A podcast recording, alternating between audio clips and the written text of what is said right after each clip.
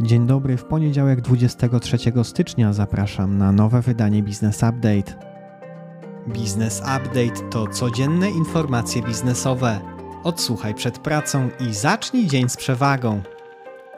W piątek na warszawskiej giełdzie obserwowaliśmy delikatne wzrosty głównych indeksów. WIG rósł prawie 0,5%, natomiast WIG20 nieco ponad zero. Bez wyróżniających się spółek z kolei w Stanach Zjednoczonych nastąpiło odbicie głównych indeksów S&P 500 rósł prawie 2%, a Nasdaq Q2,2%. Poniedziałek rano ropa WTI ponownie powyżej 81 dolarów za baryłkę, a Brent powyżej 87 dolarów. Za dolara płacimy 4,32, a za euro 4,71. Gospodarka i makroekonomia piątek GUS podał, że przeciętne wynagrodzenie w sektorze przedsiębiorstw wyniosło w grudniu 7330 zł, czyli o nieco ponad 10% więcej niż rok wcześniej. Wzrost ten był poniżej oczekiwań na poziomie 12,5%. Liczba zatrudnionych w sektorze wzrosła rok do roku o 2,2%. Dług Skarbu Państwa na koniec grudnia wyniósł 1 240 miliardów złotych, o 100 miliardów więcej rok do roku i prawie 28 miesiąc do miesiąca, a dług w walutach obcych to nieco ponad 23%. W grudniu ceny skupu podstawowych produktów rolnych, takich jak pszenica, żyto, żywiec wołowy, żywiec wieprzowy, drób i mleko krowie wzrosły w ujęciu rocznym o prawie 44%, a w ujęciu miesięcznym o 0,5%. Wiadomości z Unii Europejskiej w grudniu wskaźnik wzrostu cen konsumpcyjnych w strefie euro wyniósł 9,2%, co jest najwyższym odczytem od 25 lat. W związku z tym wielu najemców nieruchomości komercyjnych stanie przed koniecznością pokrycia prawie 10% indeksacji cen. Dodatkowo koszty eksploatacji budynków mogą wzrosnąć nawet o 1 czwartą. Minister finansów Francji Bruno de la Mer uważa, że francuskiej gospodarce nie grozi recesja w tym roku. Wiadomości ze świata w czwartek sekretarz skarbu Janet Yellen poinformowała, że Departament Skarbu Stanów Zjednoczonych rozpoczął stosowanie nadzwyczajnych środków zarządzania gotówką, aby móc dalej zaciągać pożyczki w ramach federalnego limitu zadłużenia. Wprowadzone narzędzia księgowe są częścią okresu zawieszenia emisji długu, który ma trwać do 5 czerwca. W grudniu w Japonii inflacja w ujęciu rocznym wyniosła 4% i była dwukrotnie wyższa od celu. To najwyższa dynamika wzrostu cen w tym kraju od 41 lat. Premier Nowej Zelandii Jacinda Ardern, reprezentująca Partię Pracy, podała się w czwartek do dymisji.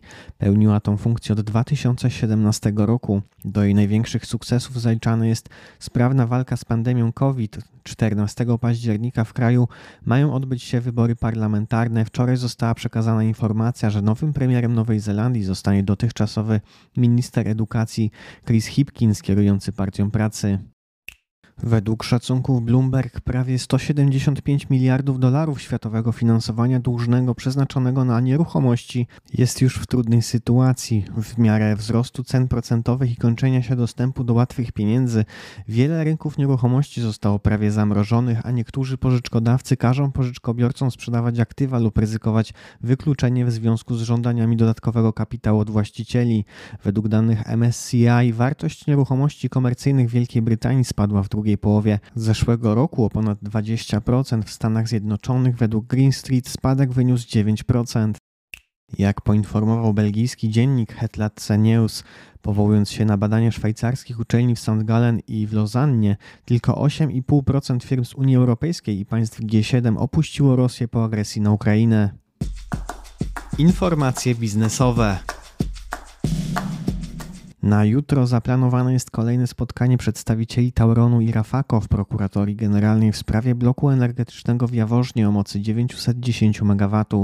Prezes spółki Tauron Wytwarzanie Trajan Szuladziński wyraził nadzieję, że dojdzie do porozumienia.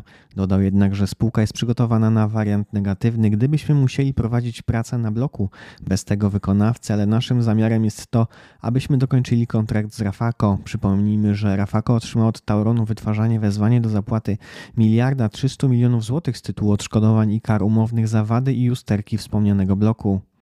Jak informuje serwis Wirtualne Media, w ubiegłym roku internetowy kanał sportowy wygenerował 25 milionów złotych przychodów i około 7 milionów złotych zysku operacyjnego. Dla porównania w poprzednim roku serwis wygenerował sprzedaż w wysokości około 11 milionów. Prezes Ambry Robert Ogór powiedział, że firma stawia na produkty, które generują lepsze marże dzięki swoim dobrym, utrwalonym relacjom z klientami czy innowacyjności. Dodał również, że przechodzimy z konsumpcji biesiadnej, integracyjnej do konsumpcji bardziej indywidualnej. Alkohole w większym stopniu są wyrazem aspiracji w modernizujących się społeczeństwach. W Polsce w miejsce wódki większą rolę odgrywa whisky, cały czas rośnie Prosecco i inne nowe aspiracyjne i międzynarodowe kategorie jak rum, gin czy tequila.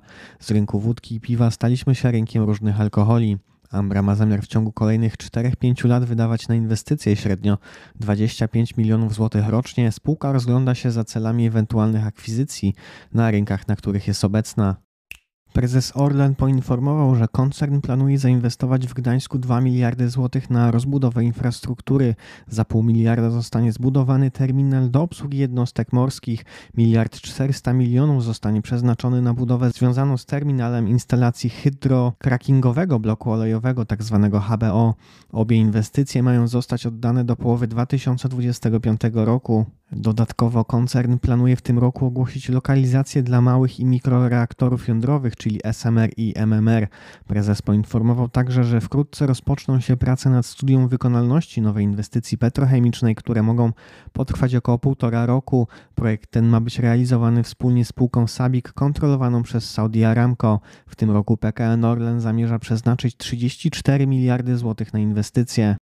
Według danych cennikowych firmy Kantar, platforma Shopee, która z dniem 13 stycznia zakończyła działalność w Polsce, przeznaczyła w ubiegłym roku od stycznia do listopada kwotę 138 milionów złotych na reklamę w tradycyjnych mediach, czyli bez internetu. Było to ponad połowę mniej od wydatków reklamowych Allegro w analogicznym okresie, jednak więcej od Amazona, OLX i Pyszne.pl, które wydały w tym czasie odpowiednio około 77, 76 i 34 miliony złotych fuzje i przejęcia, inwestycje i venture capital. Jak wynika z badania przeprowadzonego przez Grant Thornton, w ubiegłym roku przeprowadzono w Polsce prawie 350 transakcji fuzji i przejęć, czyli o 18% więcej niż w 2021 roku. Inwestorzy branżowi odpowiadali za 75% dokonanych transakcji, finansowi za 20%, a 5% stanowiły wykupy menedżerskie i indywidualni inwestorzy. Główną metodą wyceny spółek na polskim rynku był mnożnik EV-EBITDA, który w ostatnich latach wynosił wynosił 8,4%, a w zeszłym roku spadł do 6%. Spółka informatyczna Spacelift Pawła Chytrego, której produkty pomagają w zarządzaniu infrastrukturą IT, zebrała do tej pory 90 milionów złotych od inwestorów. W związku z dalszym rozwojem planuje przeprowadzić kolejną rundę finansowania i wstępnie zamknąć ją w czwartym kwartale tego roku. Zebrane środki mają zostać przeznaczone na inwestycje w marketing, sprzedaż i zatrudnienie. Obecnie Spacelift działa w Europie i prowadzi ekspansję do Stanów Zjednoczonych, gdzie generuje 70% swoich przychodów. Według założycieli Czyli spółka mogłaby być rentowna, ale stawia na mocną ekspansję. Firma Sanex dostarczająca sprzęt w branży OZE dokonała akwizycji 100% akcji austriackiej spółki Krobaf Bav Heising Service za 4 miliony 300 tysięcy euro od trzech osób fizycznych. Kwota 3 miliony 440 tysięcy euro na sfinansowanie przejęcia pochodziła z kredytu inwestycyjnego udzielonego przez PKO BP. Pozostała część ceny zapłaty została pokryta ze środków własnych spółki. Wiadomości ze świata. Chiński detalista odzieżowy Shein prowadzi rozmowy w sprawie zebrania do 3 miliardów dolarów. Przy obniżonej wycenie 64 miliardów dolarów poinformował Financial Times, powołując się na osoby posiadające wiedzę na temat negocjacji. Aktualna wycena byłaby prawie o 36% niższa niż 100 miliardów dolarów, na które miała zostać wyceniona firma w zeszłorocznej rundzie finansowania. Spółka planuje zamknąć nową rundę we współpracy z obecnymi inwestorami, do których należy Państwowy Fundusz Abu Dhabi Mubadala, Sequoia China i grupy Private Equity General Atlantic. Według badania koncern Shine jest najmniej przyjazny dla środowiska i pracowników spośród czołowych retailerów odzieżowych. Fundusz Private Equity Waterland ogłosił zebranie dwóch nowych funduszy wartości 4 miliardów dolarów. Public Investment Fund Arabii Saudyjskiej rozważa przejęcie F1 za 20 miliardów dolarów. Prawo i podatki. Prezes UOKiK nałożył ponad 1 600 tysięcy złotych kary na pocztę kwiatową. Kara została wymierzona za stosowanie przez 6 lat niedozwolonego postanowienia umownego. Poczta kwiatowa nie gwarantowała dostawy kwiatów i upominków na święta, a w materiałach marketingowych zachęcała do składania takich zamówień. Spółka nie może wyłączać swojej odpowiedzialności za niezrealizowane lub nienależyte wykonanie usługi. Jako działający od ponad 20 lat w Polsce profesjonalny przedsiębiorca powinien być odpowiednio przygotowany na święta powiedział prezes Łokik.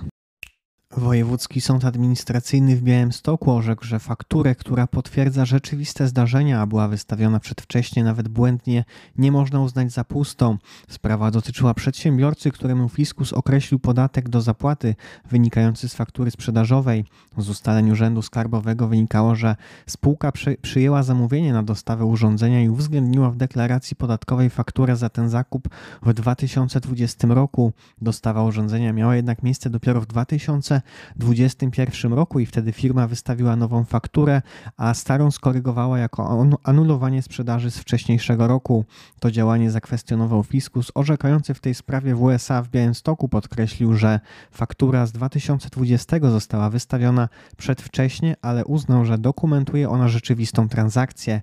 Zdaniem WSA faktura odnosiła się więc do rzeczywistych zdarzeń, które podlegają opodatkowaniu, a wystawienie do niej faktury korygującej było asekuracyjne, a niekonieczne. Gdyby faktura była pusta, to w opinii sądu należałoby uznać, że spółka dokonała korekty we właściwym czasie. Wyrok jest nieprawomocny. Rzecznik Praw Obywatelskich Marcin Wiącek zwrócił się do MSWiA w sprawie pomiaru prędkości dokonywanego przez fotoradary. Zdaniem RPO trzeba wziąć pod uwagę margines dopuszczalnego błędu pomiarowego urządzeń i karać mandatami przekroczenia dopuszczalnej prędkości dopiero w zakresie od 3 km na godzinę, a nie już od 1 km na godzinę. Prawo powinno zawierać gwarancję rozstrzygania wątpliwości na korzyść obwinionego, wskazał Wiącek.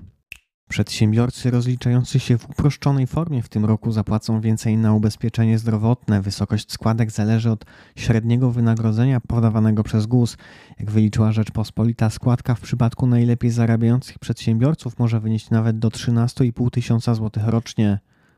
W najbliższym tygodniu mają zakończyć się konsultacje dotyczące pomysłów na walkę z patodeweloperką. Projekt rozporządzenia w sprawie warunków technicznych, jakim powinny odpowiadać budynki i ich otoczenie, przygotowuje Ministerstwo Rozwoju i Technologii. W przyszłości zmiany mają także dotyczyć prawa budowlanego oraz ustawy o planowaniu i zagospodarowaniu przestrzennym. W marcu ruszy proces propagatora pseudomedycyny Jerzego Z. Prokuratura oskarżyła mężczyznę o to, że w latach 15-17 wykonywał bez wymaganego zezwolenia działalność gospodarczą za pośrednictwem stron internetowych w zakresie obrotu produktami leczniczymi. Termin pierwszej rozprawy przed Sądem Rejonowym dla Warszawy Śródmieścia wyznaczono na 30 marca. Wiadomości ze świata. Platforma TikTok może zostać zablokowana w państwach Unii Europejskiej, jeśli nie dostosuje swoich regulacji do unijnego prawodawstwa. Komisarz europejski Thierry Brenton w czwartek przekazał Shu Ziqiu, dyrektorowi generalnemu firmy, że TikTok musi przed 1 września dostosować swoją działalność do unijnego aktu o usługach cyfrowych. Nie zawahamy się przyjąć pełnego pakietu sankcji w celu ochrony naszych obywateli, jeśli audyty nie wykażą pełnej zgodności z unijnym prawem powiedział Breton. Firma pożyczkowa Genesis wystąpiła do sądu o ochronę przed roszczeniami wierzycieli. Jak poinformowało przedsiębiorstwo, ma ono ponad 100 tysięcy wierzycieli, a zobowiązania wobec nich wynoszą między 1 a 11 miliardów dolarów. Jak poinformowało CNBC, to kolejna ofiara bankructwa kryptogiełdy FTX, której upadek wy wywołał szok na rynku. Już 16 listopada, tuż po ogłoszeniu upadku FTX, Genesis zawiesił wycofywanie środków przez swoich klientów. To już wszystkie informacje w dzisiejszym wydaniu podcastu. Nieco więcej informacji, szczególnie dotyczących danych rynkowych, znajdą Państwo w newsletterze. W newsletterze także linki do wszystkich źródeł. Jeżeli podcast jest pomocny, będziemy wdzięczni za polecanie go dalej, klikanie lajków w social mediach na LinkedIn i Facebooku, ocenianie nas na platformach podcastowych Spotify i Apple Podcast. Ja życzę Państwu udanego poniedziałku i owocnego całego tygodnia. Do usłyszenia jutro.